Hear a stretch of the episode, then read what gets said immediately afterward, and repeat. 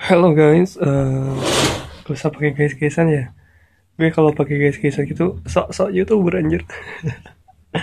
Yaudah, halo, uh, assalamualaikum warahmatullahi wabarakatuh. Perkenalkan, uh, pertama-tama perkenalkan dulu nama gue Aditya. Nah jadi kali ini adalah podcast pertama gue yang gue bikin pakai aplikasi Anchor. Anchor apa sih bacanya? Ancor. Jadi tulisnya N A N C H O R gitu kan kalau dibacanya anchor nih katanya gitu.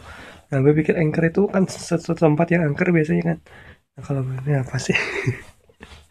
Udah pokoknya gue bikin aplikasi eh bikin rekaman ini rekaman podcast ini pakai aplikasi anchor itu. Nah gue coba-coba nih. Soalnya gue coba terinspirasi daripada podcaster podcaster apa disebutnya ya?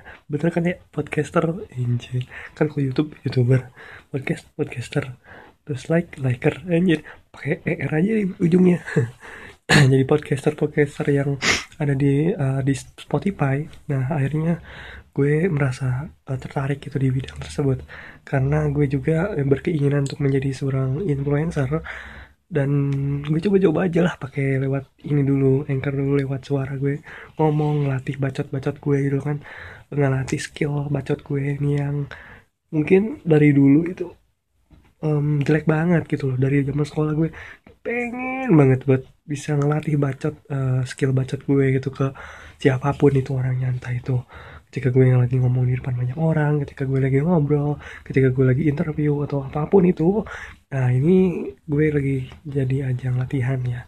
Karena uh, semua ini terbentuk dari uh, apa dari gue membaca buku mendengarkan kemudian menonton. Nah kalau menonton sih gue jarang sih.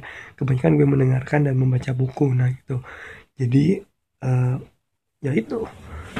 Kenapa gue bisa tertarik buat uh, bisa buat podcast ini gitu. Sehingga ya gue belajar supaya skill berbicara gue atau skill bacot skill bicara gue ini bisa lancar dan di apa ya dinikmati oleh orang-orang oh btw ini suara gue sebenarnya bukan kayak gini ya. Cuma sekarang ini gue lagi um, lagi flu.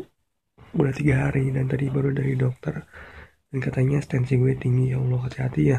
Kalau tensi tinggi jangan diremehin. Lu harus makannya diatur olahraganya dan minumnya diatur. Makanannya sih yang paling penting dan akhir-akhir ini gue, gue waktu ini sering begadang dengan bahkan ada jerawatan gara-gara begadang itu makan makanan yang manis-manis kayak kopi gitu kan.